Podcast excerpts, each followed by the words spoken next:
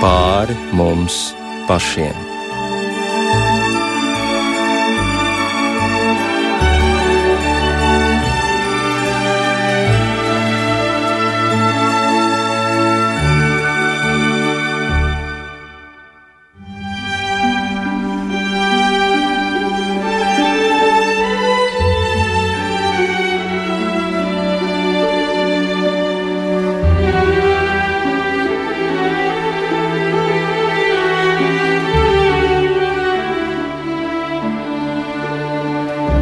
Esiet sveicināti raidījumā pāri mums pašiem.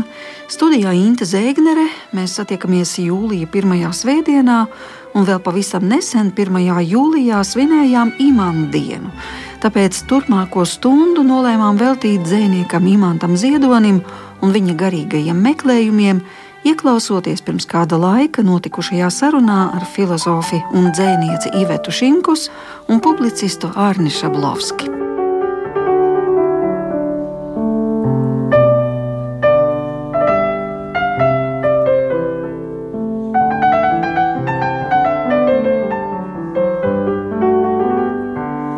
Arī zvaigznēs ierakstīts tas pats, kas laukos plašos, jāmeklē sudrabs, tas baltais, kas trīc, tepatās mūsos pašos. Kā Imants Ziedonis ir meklējis to balto sudrabu, kādi ir bijuši viņa garīgie meklējumi un cik pravietiski tie ir atbalsojušies viņa dzējā, par to arī runāsim šovakar. 1996. gadā sava izdevuma es skaitīju un nonācu pie viena. Ievadā viņš raksta, tāpat kā daudzus mani vienmēr ir aicinājis ceļš. Tepat Latvijas Baltijā līkumotie ceļi, paša gājienā un fotografijās, neremdināmā meklētāja interese. Lai kur tu esi bijis, tu meklē vēl kaut kur, lai ko tu esi redzējis, tev liekas, ka neesi atradis to vēl lielāko, vēl skaistāko. Sirds prasa vēl. Nav miera, ilgas, skumjas, gaidas, tiekšanās cerības. Bet no saviem sarunu viesiem šajā vakarā gribētos uzzināt, kā jūs atradāt imantu ziedoni, kurš staigā šos garīgo meklējumu ceļus. Ne tikai fiziski Latvijas ceļus, kas viņam bija tik mīļi, bet garīgi meklējošus ceļus. Es gribētu turpināt jūsu domu par ceļu, jo pats Imants arī ir teicis, ka ir trīs pamatjēdzieni - ceļš, pats un darbs. Un tādā nozīmē, kā jūs teicāt, ka viņš ir staigājis ceļus, un tie ir Latvijas ceļi, tā ir Latvijas daba, tā ir mūsu zeme, bet tie ir arī bijuši garīgo meklējumu ceļi, un kur nekur nav tas ceļa gals. Un tādā ziņā varētu būt viena no atbildēm, ka viņš ir meklējis nevis kaut ko, ko varētu atrast jebkurā ceļā, bet viņš ir būtībā bijis ceļā uz sevi, tāds sevis meklējums. Un dzēja, kā viņš pats saka, dod tikai ceļa prieku. Dzēja nav mērķis. Tāpat arī mērķis nav kaut ko šajā ceļā atrast, kā konkrētu objektu vai kaut kādu noteiktu lietu vai gala pieturu. Un varbūt es arī turpināšu šo domu ar brīnišķīgo dzējoli, kas arī skanēja imanta aiziešanas dienā. Viņš pats to ļoti pravietiski arī izteicis dzējolī. Un tad jau dzējas nebūs, būs tīra gaisma vien. Es neesmu vairs dzējnieks, es biju vakardien.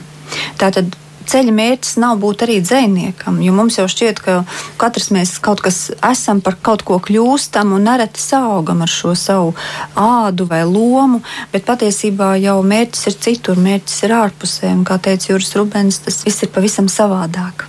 Bet vai nav tā, ka to, ka viss ir pavisam savādāk, citādāk, mēs atklājām tad, kad stāvēja šī lielā rinda cilvēku plūsma domu laukumā, kas klusējot gāja no imanta atvadīties, un tad pēkšņi šīs visas viņa atziņas izskanējās pavisam citādākā gaismā. Viņa dzēja izskanējās gluži citādāk. Arī dzējolis gods dievam augstībā un cilvēkiem labs prāts kur viņš saka šīs rindas. Vēl man ir jāpastāv, kas manas lietas kārtos. Stāv cietumsargs un erceņģelis vārtos. Viens nelaiž prom, bet otrs nelaiž iekšā.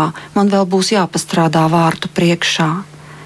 Daudzas no šīm rindām skan tā, it kā viņš jau iepriekš būtu šo ceļu iezīmējis, lai mums būtu kaut kādas garīgas kartes, garīgi orientieri.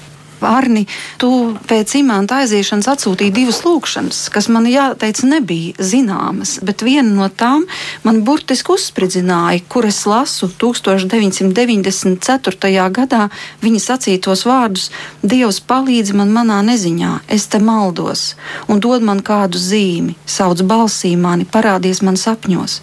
Vai sūti draugu man, kas pazīst vārtus, es nezinu, pa kuriem varētu iet. Un tālāk, kā zināms, ir vēl skaistāk. Dod vienu zvaigzni vakaros, tās visas runā reizē, es nesaprotu. Dod vienu zvaigzni, ko es varu klausīt. Un rītos putnu dod, kas mani sauc. Nekad es rītos nezinu, kur piet. Uz visām pusēm lido putni tā un šitā, un visi dzied, un visiem tava balss. Un tad es skaitīju un nonācu pie viena. Jā, jā, tā ir. Tā, ir. Tā viņa klātbūtne ir un būs ilgu laiku. Mūžīgi, mūžīgi, jā, mūžīgi. mūžīgi. Un atbildi vai nosacīta atbildi, man liekas, ir tajā jaukajā grāmatiņā, kas ir Mārai Zālītē, arī man dziedātās sarunas. Eh, protams, citā kontekstā. To mēs nezinām. Jā, un es, es, es domāju, kas ir imants. To mēs nezinām. Eh, un, un katrs tas lasījums, katrs grāmatas uzšķīrums, kā šodien gadījās, jau mums atklāja no jauna, no jauna, no jauna. Nu, viņš ir bijis liela un ir liela dāvana mums. Jā. Rubens Jūras teica, viņš ir Dieva mākslas darbs. Mārza Zālīte teica, viņš ir Dieva pildspāle. tā viss ir taisnība. Ir, ir šī gaisma, ko mēs jūtam intuitīvi. Un mums viņai ir jāseko. Un tie, kas mēs to jūtam, tu, tu prasīji, kad es tiku uzrunāts, būdams 8. klasē, 7. un 8. Un, bija epifānijas jau tā. Tad, jā, bija jau 7. gadi uzvelciet baltu kreklu un noslaukiet kurpes savai mātei. Uh, uzlaižiet baltu kreklu un rociet zemi. Man ar to pietika. Es tiku ar to pamodināts.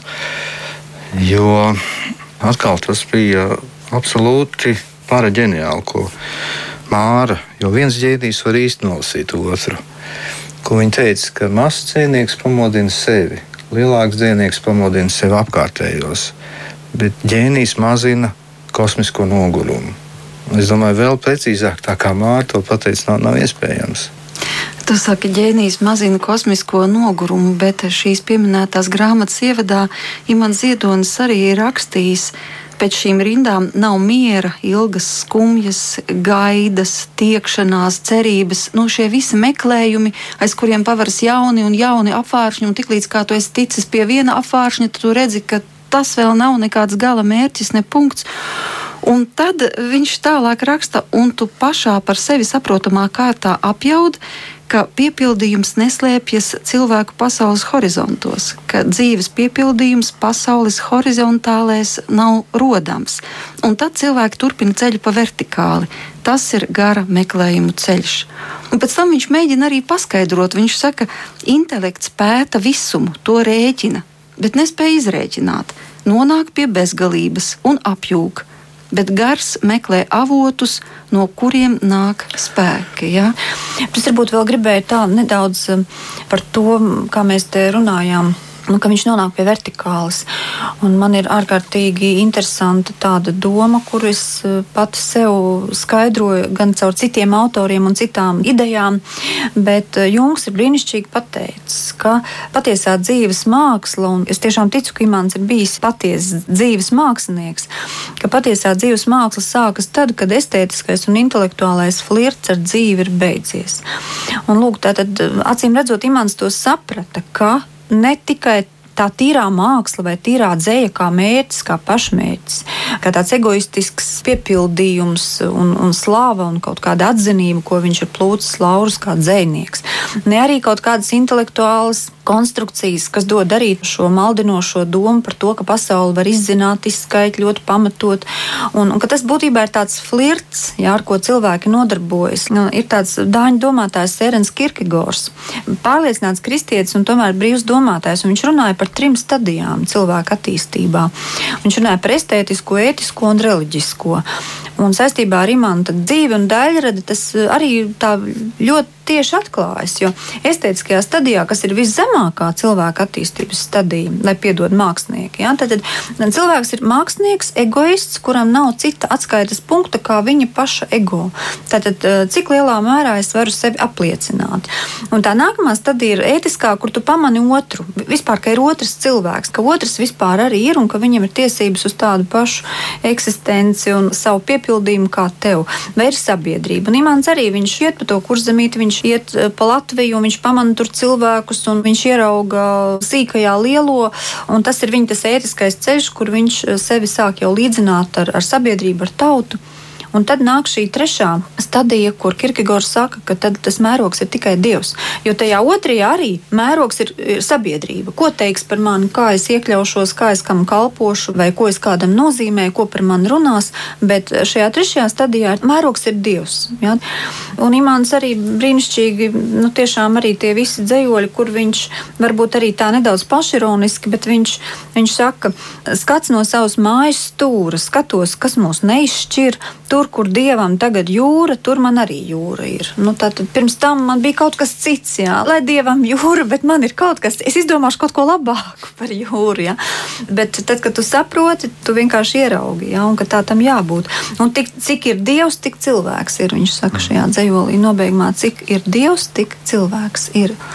Bet tad acīm redzot, 70. gadi, 60. gadu beigas ir bijis varbūt tāds sāpīgais posms, jeb tiesas laiks. Jā, jā, tapšanas laiks. jo tikai cilvēks, kurš meklē un izjūt šo iekšējo slāpi, sevī, ja, tas var kaut ko tādu uzrakstīt, kā viņš šajā šaubu dzējolī. Tas briesmīgais tukšums starp jā un nē, tas tukšums starp plus un mīnus. Un kāpēc es esmu šai pasaulē, un kāpēc, par ko es te cīnos? Tas briesmīgais tukšums starp nē un jā, tas tukšums starp mīnus un plus, un tūkstošiem gājēju purvājā starp diviem kalniem dus. Nu, tie ir tādi ļoti eksistenciāli jautājumi. Mm. Viņš arī šajā dzīslī to neatrisina. Viņš tikai uzdod jautājumu. Nu jā, atrisinājums ir tālu vēl. divas gaismas aust un divas saules lec, katra savā virsotnē. Mans labais plecs un mans kreisais plecs, un mans tukšums starp jā un nē. Un garīgajā atklāsmē jau arī šo tukšumu patiesībā uzskata par dieva pieskārienu, jo tas ir tā nepieciešamība pēc piepildījuma. Tu vairs nevari, tev slāpst. Redzi, viens horizonts, otrs, trešais, viss nedara, jo vajag vēl lielāku, vēl skaistāku, kā viņš pats raksta, vēl. Nu, Visa ir par maz, jo ir kļuvis cits atskaites punkts, Dievs, kā Iveta saka. Bet viņš ļoti palīdz ar šiem 60. gadu dzējoļiem. Viņš, manuprāt, ļoti palīdz meklētājiem, no tam godīgam meklētājam. Mm.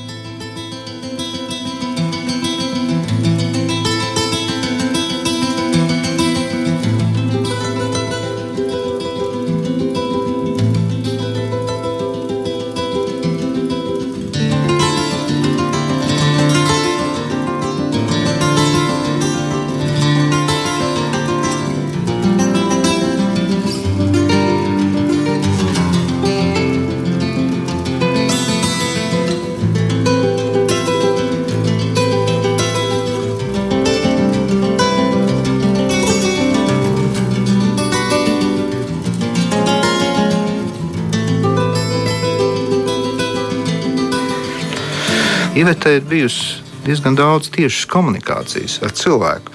Mēs runājam par imānu lietu, bet imāns cilvēks. Tā bija arī interesanti.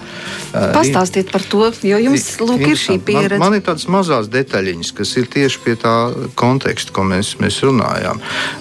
Teiksim, mums ir bijis, bijis Rētera namā, neatceros, kuros 90. gados, arī lasījums, kur bija imants un, un Ojārs Spārīts par trešo tēvu dēlu.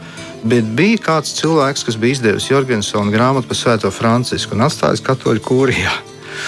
Un mēs abi ar imantu gājām pakaļ. Jā, viņš, viņš prasīja, kur tas ir. Un tā. un tur ir tā, ka tur. Um, Kad tajā katoļu kūrijas pagalmā, ir tāda diamāts uh, statuja. Un man liekas, ka imantam ir hūta, es to hūtu atpazinu, jo neatkarīgā rīta avīzē neklogam viņš bija tieši ar to hūtu, ko viņš staigāja. Un mēs ejam garām tai diamāta statujai.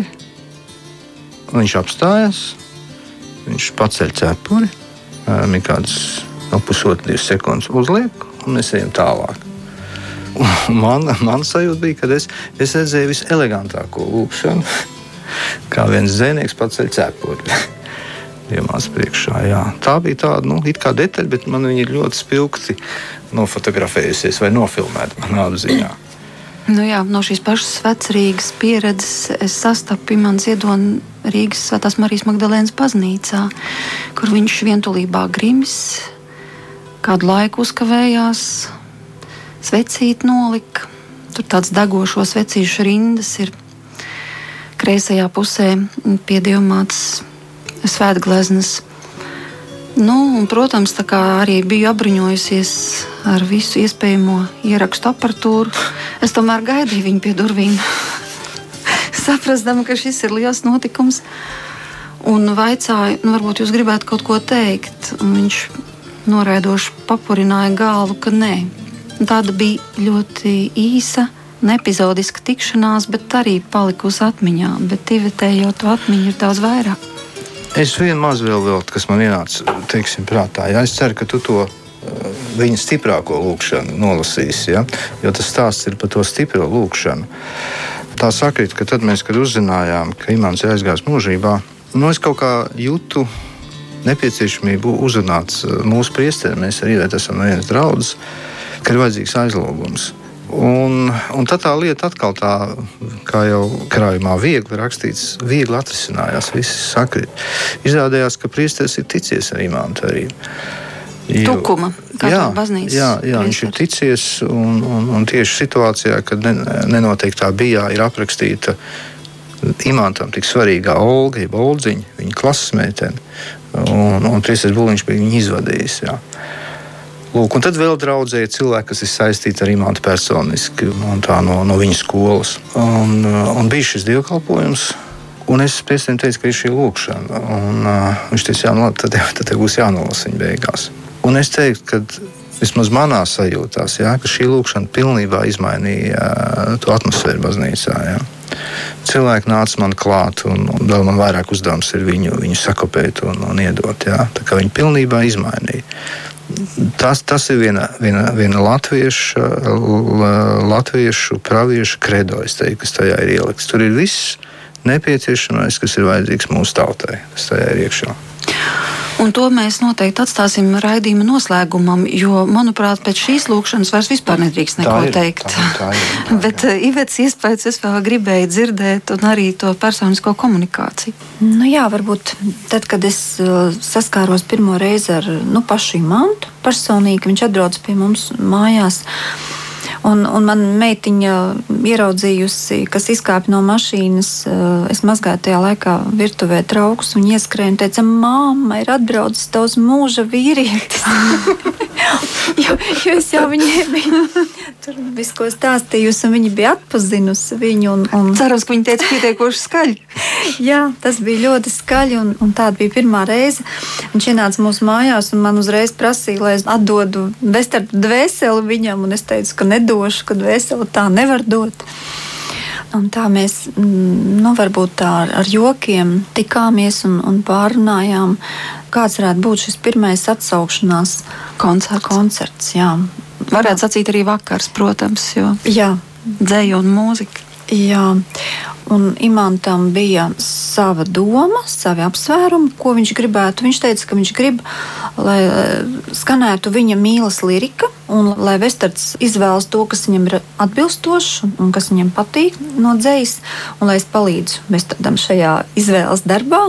Un ka arī tās kompozīcijas, Vestarda paša un citu autoru kompozīcijas, kas varētu arī, es teiktu, pastiprināt šo vārdu spēku, ka, nu, ka to visu mēs varētu kaut kā likt kopā un domāt par šo pasākumu. Toreiz, protams, Imants bija uh, apņēmības pilns, un tas bija pirms, uh, nu jā, drīz pēc tam bija viņam tas insults, pēc kura vairs tā publiski viņš pasākumos nepiedalījās. Bet atsaukšanās tas bija kurš? Tas gads? bija 2004. gads. Mm. Un tā bija tā pirmā tāda personiskā satikšanās, bet jau tajā laikā, kad es, man vajadzēja tos dzējoļus arī palīdzēt Vestardam izvēlēties un arī likt kopā ar mūziku. Tagad pēc viņa nāves, kad arī daudz izsaka šo domu, ka tagad tas viss skan savādāk. Es kaut kā to neizjūtu, jo es tajā brīdī, kad paņēmu caurskatīt viņa dzējoļus un domāju par tiem, man vienmēr šķita, ka Imants rakstot jau šo dzēju, ka viņam ir bijusi tā mūžības dimensija klāta. Ka tas viss jau bija tajā laikā, un arī man. Es arī neskatījos uz tiem kā uz tādiem parastiem dzinieka dzējoļiem, kurus man vajadzētu kaut kā tagad atlasīt. Man tajā brīdī, tajā dzējolī atklājās nu, tieši tā, kā man arī šodien atklājas šajā mūžības kontekstā. Tā kā es nejūtu tādu milzīgu atšķirību, jo, jo, jo tie dzējoļi ir tik jaudīgi un tik ārkārtīgi gaismas uzlādēti, ka viņi jau toreiz bija tādi, kādi viņi bija domāti. Bet iedomājieties, 71. gads. Jā, Jā, Imants uzraksta dzējoli, kurš bija tajā mūsu pirmajā atsaukšanās koncertā, var teikt, tāds kulminācijas dzējols, kuru Goldberga variācijām skanot. Viņš saka, es esmu svešāks, palicis, man jāiet. Nu, 71. gadā, cik viņam ir gadu, tas ir jauns vīrietis, kur viņam ir jāiet. Ja? Tātad eh, šeit nav nozīmes gadiem, nav nozīmes arī tam varbūt eh, fiziskās esamības vai nesamības faktam, ka tā nu, tiešām viņi ir tik ārkārtīgi jaudīgi un ladēti, ka viņi jau tolaik izstaroja to spēku, kas viņiem, nu, protams, tagad droši vien var tikai pieaugt, bet, bet tādas milzīgas atšķirības es nejūtu. Interesanti. Mēs bijām ar tukumnieku grupu, un jūs arī pēc tam bijāt viņa 75. gada jubilejā. Un tad bija tādi divi, divi tādi vienkārši teikumi, ko viņš teica. Tā viena lieta, nu, es uzreiz biju dzēnieks. Nu, jā. es biju citiem tur jāmēģina. Mm. Šis uzreiz bija dzinieks. Un, un tad es, es neatceros, kurā veidā tas arī nenoteikti tā bija. Kad viņš pēkšņi sāka rakstīt jūrmalā, būdams skolotājs, depresīvā situācijā, vienistabas dzīvoklī.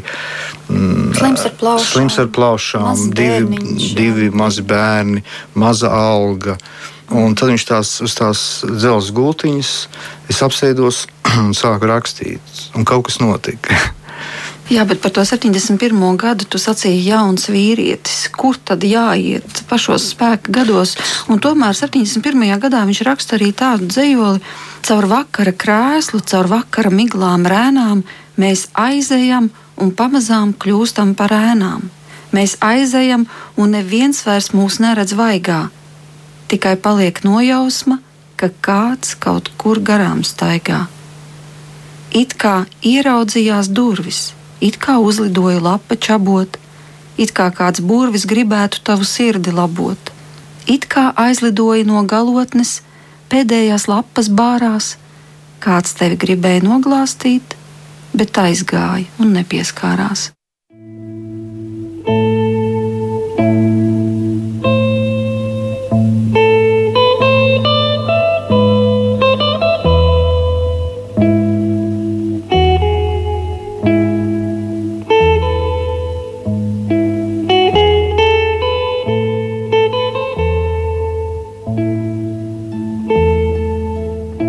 Vasara kļūst jau tik skaista, ka kļūst jau sāpīga. Tik pati par sevi skaista, sava un nepiekāpīga. Rauj puķis, cik gribi, nekā dabūt, nekā nevar dabūt. Vienkārši stāvi un smejies, un vasaras vidū jābūt. Jālīgo ar to kopā un prom jāiet reizē, citādi viss iznāk sāpīgi un izliekas nepareizi. Iet vasara pāri tik skaisti, bail iedomāt. Nedrīkst no malas skatīties, jābūt cik var tūlīt klāt, jābūt tik muļķiem, tik mīļiem, tik viegliem kā divas smilgas. Citādi apkārt ilgas, sāpes un ilgas.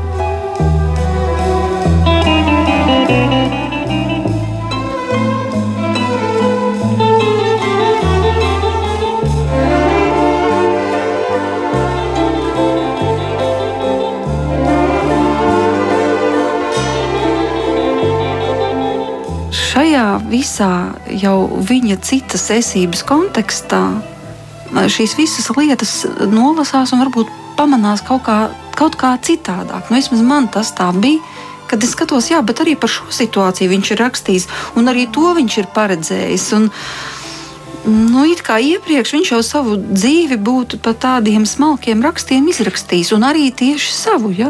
Kaut vai šis teksts par cietumsargu un erceņģeli, un man vēl būs jāpastrādā vārtu priekšā. Mm. Un, protams, tālāk vēl seko tie vārdi, kur vien tu ej, tavs ceļš ir gaismas klāts. Vienā no dzīvoļiem ir patiesībā aprakstīts tas, kas notika Doma baznīcā, pravietiski. Bet tajā situācijā man savukārt bija iespēja runāt pēc tā pasākuma ar Georgu Andrēju kundzi. Kur savu... Georgs Andrējs ir klasisbiedrs, klasisbiedrs, jā, jā. Mm. Un tā tad, nu, ko tagad tiržēja, kad viņi tur dikti kaušies, ko Georgs, nu, viņš saka, jā, jā, bet tā riktīgā kaušanās, ko mēs tad nenoteiktā bija, bija tur lakciemā pret tukumniekiem un tā.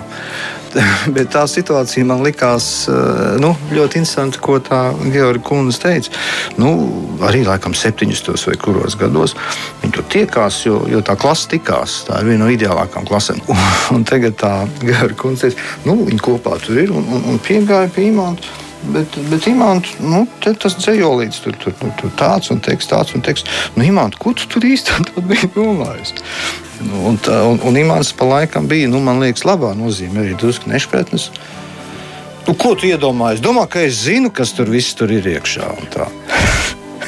Bet arī saistībā ar to viņa tiešām nešpatnumu, spītību vai arī tādu pašironiju. Eh, tas mūsu pasākums, kas bija tajā 2004. gadā kopā, tad eh, bija noslēgumā domāts viens skaists dzējolis. Nu, ja jau mēs stāstām par mīlestības stāstu, tad vajag kaut ko īpaši, īpaši skaistu.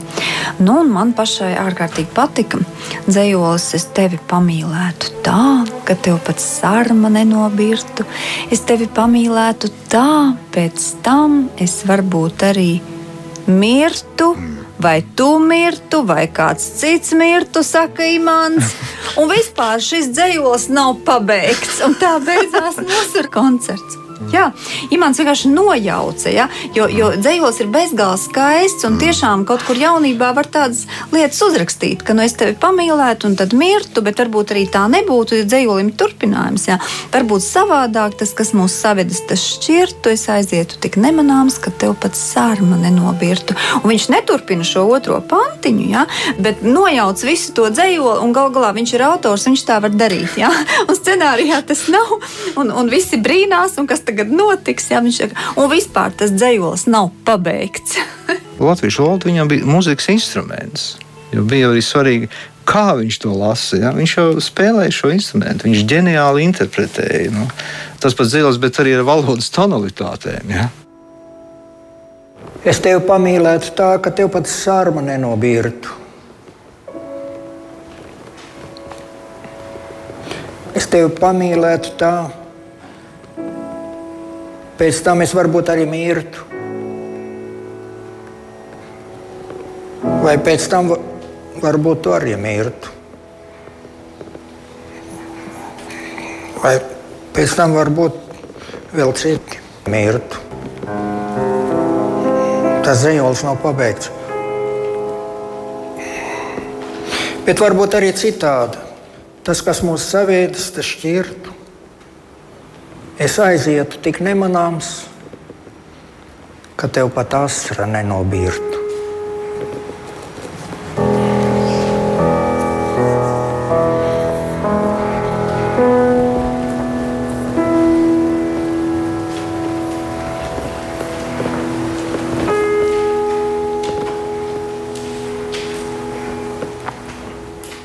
Tomēr, ja mēs runājam par to atklāsmes pusi, vai teiksim, kaut vai kā ir iespējams dažos pantos um, atklāt visu cilvēku dzīvi, un tas ir arī 69. gads, 69.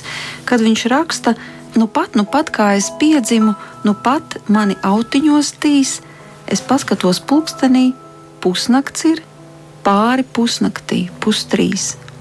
Tad nākošais posms - mēs stāvam zem ceriņiem, ziedošiem, ziliem, un dudina pērkons, drīz līs. Tava roka uz manas, mana roka uz tavas, pāri pusnaktī, pustrīs. Es pabeidzu rakstīt, nolieku uz palvu, mazliet vēl roka trīs, es paskatos pulkstenī, nakts jau ir, pāri pusnaktī, pustrīs. Jau nes mani projām neizbēgami, smiltis par mani līs, es paskatos pulkstenī, pusnakts ir, pāri pusnaktī, pustrīs. Pa kuru laiku es dzīvoju, esmu? Vai mūžs bija garš vai īss? Ne par matu nav rādītājs izkustējies, kā bija tā ir pustrīs. Cik minūtes ir šis dzējolis, bet dzīves gājums ļoti koncentrētā veidā. Ja, tos lielos eksistenciālos jautājumus viņš jau mm, risināja un, un atrisināja. Viņš jau sen bija atrisinājis. Un sveika nāve, tu lielā brīnuma svecīte. Tas, um, ko viņš arī raksta, protams, uh, arī spēka gados. Ja? Arī 70. 70. Jā, jā, gadi. Jā. Jā. Tā ka tas nav kaut kāds nu, vecs cilvēka rezumējums par dzīvi, nebūtu nē.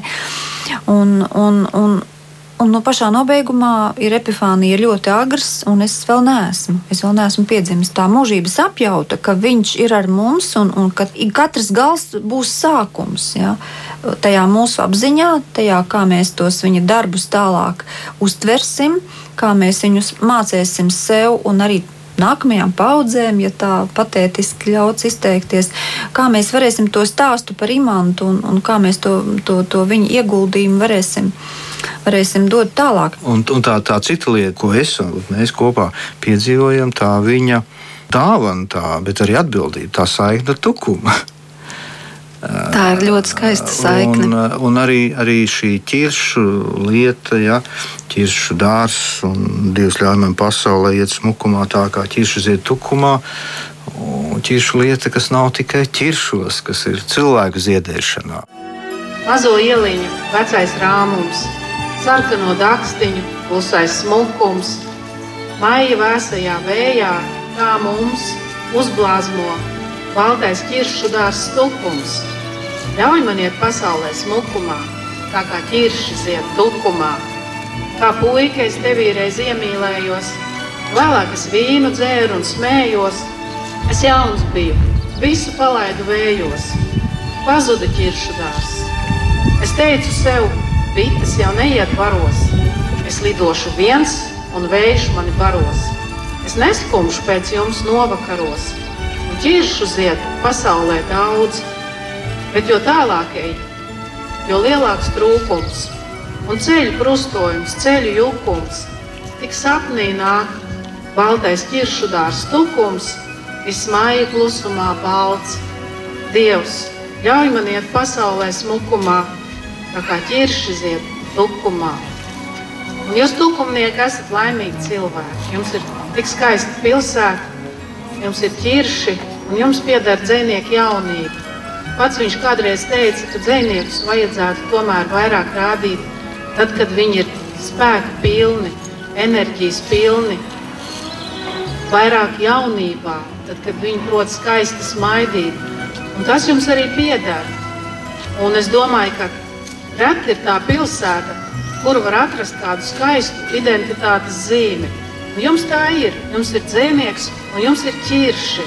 Un es domāju, ka Japāņu sakuras kurus arī, es domāju, Imants Ziedonis ir redzējis, nekad, nekad nevarēja aizstāt tukumu ķiršus. Par tiem viņš runāja savos pēdējos gados, un pie tiem viņš gribēja atpakaļ. Jau vairāk gadi gāja, jo vairāk viņš par to iedomājās. Un uh, es domāju, ka ķiršu dārza tukumā nu, jums var būt tik dažādi svētki. Jums var būt aizbraukušo tikšanās zem ķiršiem. Jums var būt pirmā randiņa tikšanās pie ķiršiem galu galā es ļoti ceru, ka pilsētas valdība jums piešķirs brīvdienu, tad, kad ziedēs ķirši.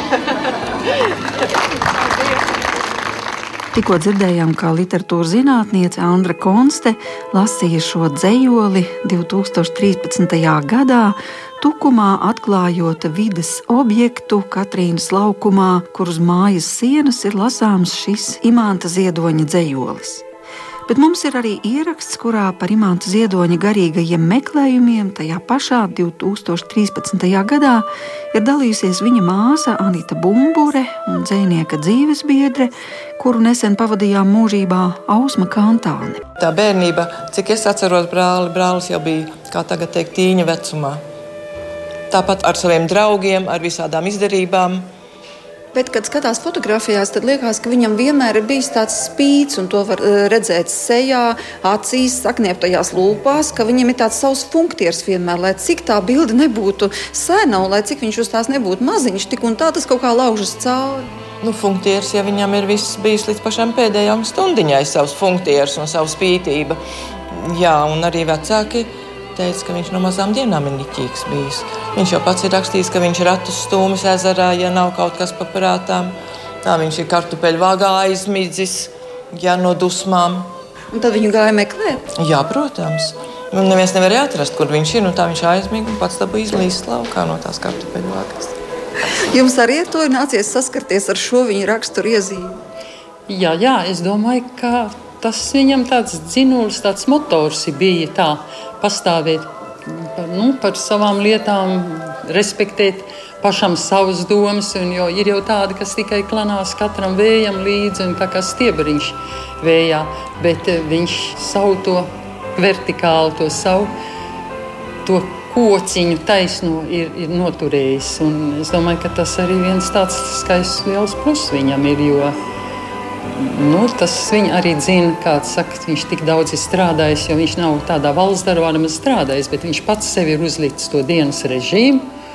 Ļoti strikti, kā viņam ir jānostrādā rīta cēliens, un tad viņš ir nopelnījis pusdienas vai pēc tam kādu pēcpusdienu kaut kur aiziet, bet pat aizbraucot uz sanatoriju vai atpūtnām, viņš tur varētu jau nu, izklaidēties un neievērot stingro režīmu. Viņš tomēr pusdienu nostrādāja, un tad mēs ar puiku bijām, kad ārā jūrmalā, tad viņš bija nostrādājis savu ciklu, un tad viņš nāca ēst. Un tad nāca viesoties un izklaidēties un, kā saka, dzīvot tādu saviesīgu dzīvi. Bet es tomēr nevaru iedomāties, kā tas, piemēram, ir sievai. Eh, šī epizode no viņa dzīves, kad viņš nolēma, ka beidzot ir jāpārvērtē tas laiks un, un šī visa drūzme, kas ir pilsētā, un ka viņš nolēma iet savos ceļos vasarā, un viņš iziet plašajā pasaulē aizmet projām pulksteni un, un dodas vispār tur, kur ceļu nav, pāri pļavām un tā tālāk. Un no, toreiz jau nebija mobilo telefonu. Un jūs rēķinājāties ar to, ka Kas to zina, kad viņš pārnāks, cik mēnešus viņš klejos, kad es no viņa saņēmu kādu vēstuli? Kā tas bija? Nē, nu, tas jau sākās ar kurzemīti. Mm, mēs gājām kopā daudz kur, bet ļoti daudz kur mēs no rīta nozīmējām, kā saka, satiksimies vakarā Dundagā. Un viņš gāja savu loku, es gāju savu ar stopiem. Tas ir, teiksim, mums jau nebija mašīnas, tad vēl nekas nebija. Es Mm, plūca zemenītes un devu šoferim par vedumu. Tie tā smaidīja, apsārtuši, nezināja, kā reaģēt. Vēl tas nebija pieņemts tā vīrietim kaut ko dāvināt, acīm redzot. Un Imants gāja pa savu ceļu ar saviem cilvēkiem tikās un vakarā Dundagā mums uzcienāja. Es atceros vēl tādu siltu no siltumnīcas atnesa gurķi mums tā vakarā pie maizītes, jo mēs jau tur jau nekāda restorāna, ēdnīcas jau tur nebija tajā vakarā. Mēs savu sviestmaizītes ēdām un, un tādas atceros siltus gurķus no siltumnīcas to mums uzdāvināja. Tās bija mūsu vakariņas. Tā kā nav jau tā, kā viņš pazuda un kaut kur aizskrējis bija, bet viņš gāja savu ceļu, kur ar to bija jārēķinās, jā, ka viņš gāja un darīja to, kas viņam bija jādara. Un Dievs nedod, ja tev būtu kāds strīdi vai kašķi par to. Tā kā nu, es to tā pieņēmu un sapratu, un nu, to respektēju un cienīju. Un par ceļu viņam ir arī ļoti skaistas atziņas, ka par to, ka lai kādus ceļus mēs nestaigātu un kur lai mēs neietu, vienalga mums gribas vēl skaistāku, vēl lielāku, to, kas it kā nav sasniedzams. Un tad viņš nonāca tiešām pie vertikālis, ka zinātnieki mēģina izskaidrot visumu, bet pie bezgalības apmulst. Un uh, viņš bija arī, nu, varētu sacīt, apvāršņa cilvēks, jo viņam visu laiku bija nepieciešami tie jaunie apvāršņi. Un es biju ārkārtīgi pārsteigta, kad es to atradu lūkšanās, ka viņam ir arī lūkšanas. It īpaši tā viena, ko tagad cilvēki kopē, dod viens otram, izplata, eh, pavairo. Un man arī personiski par to lūkšanu. Tā par Latvija ir nākusi no šeit, no, no Matkules vai kur, no kaut kādas avīzes. Mēs viņu zinājām, ja? no rajona avīzes kaut kādas. Un man šķiet, vai nezinu, vai šeit pat jaunmokās nokopēja to avīzi. Jā, tā lūkšana ir skaista. Tā ir skaista, ka viņš sauc visus no visām sanāciet rādi kopā.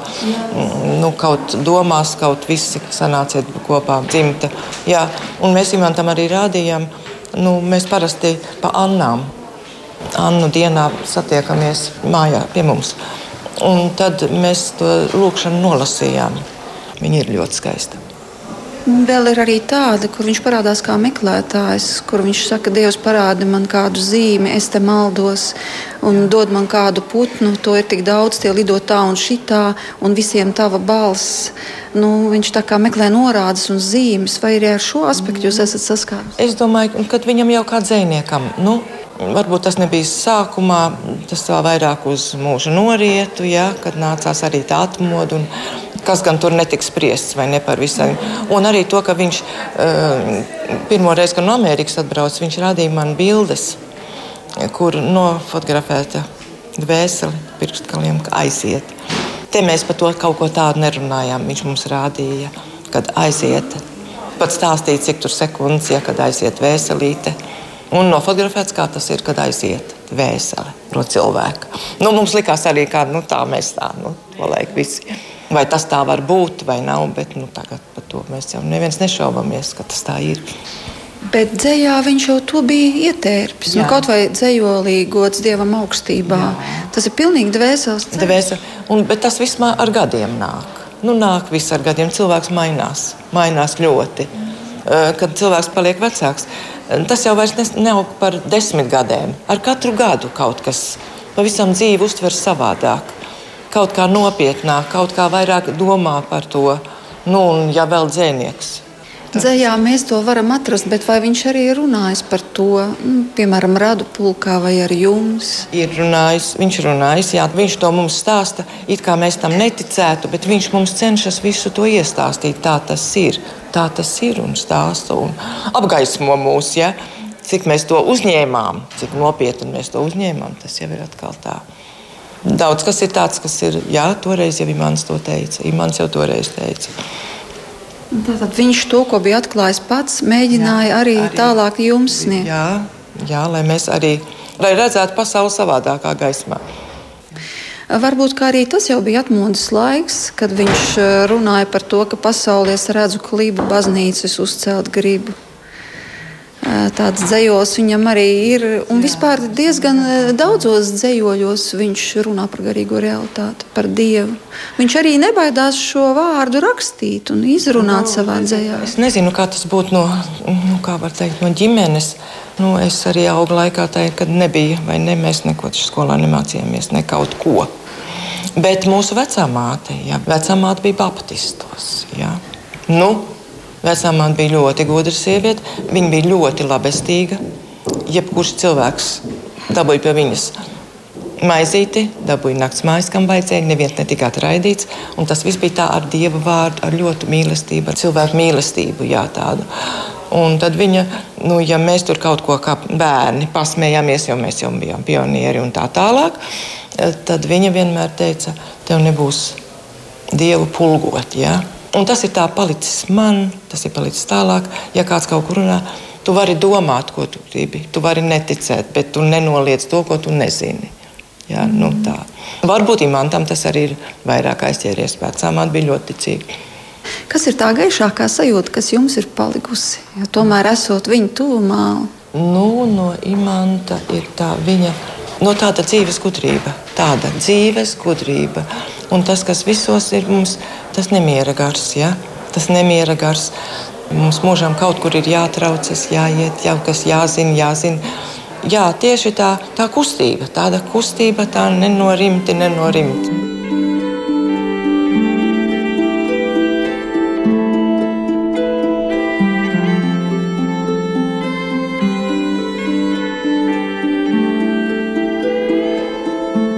Savās atmiņās par Imantu Ziedoni dalījās viņa māsa Anita Bumbure un arī dzīves biedre Ausma Kantāne. Bet tagad raidījumā pāri mums pašiem turpināsim sarunu ar dzēnieci un filozofu Ivetu Šimkus un publicistu Arni Šablovski.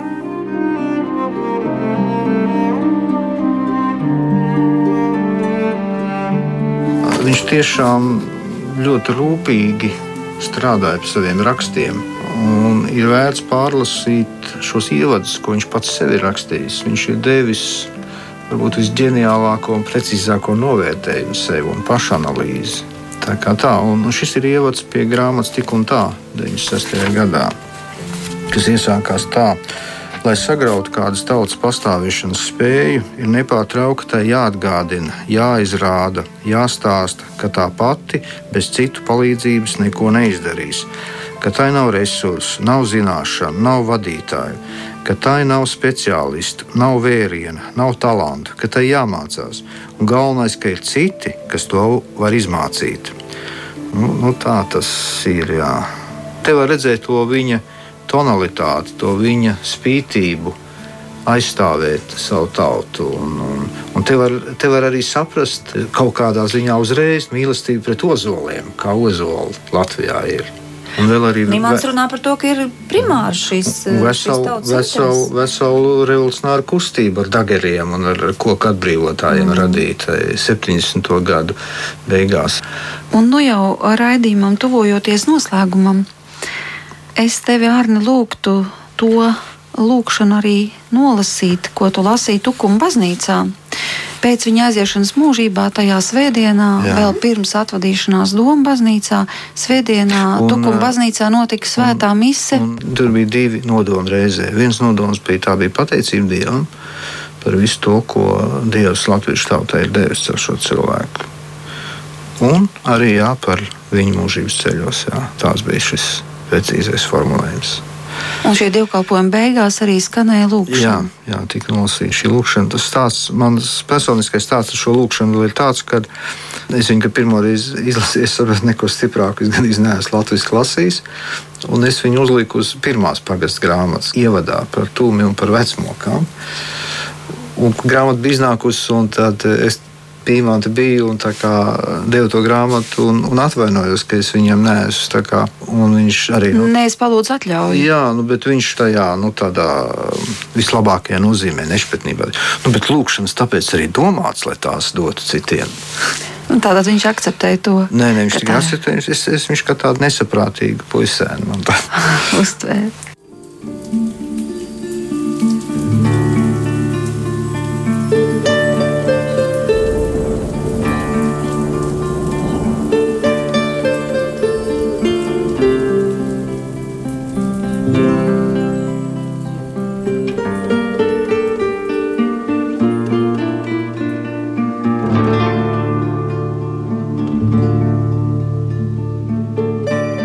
lūkšanas brīdī Dievs sapulcē visus šeit kopā zem tavu jumta. Tās domas, ko domājam dažādās vietās par vienu to pašu, kā pasargāt dvēseli sevi un tautā, kā laukus uzturēt dievā, kā ielas uzturēt gaismā un bērnus ticībā iecelt.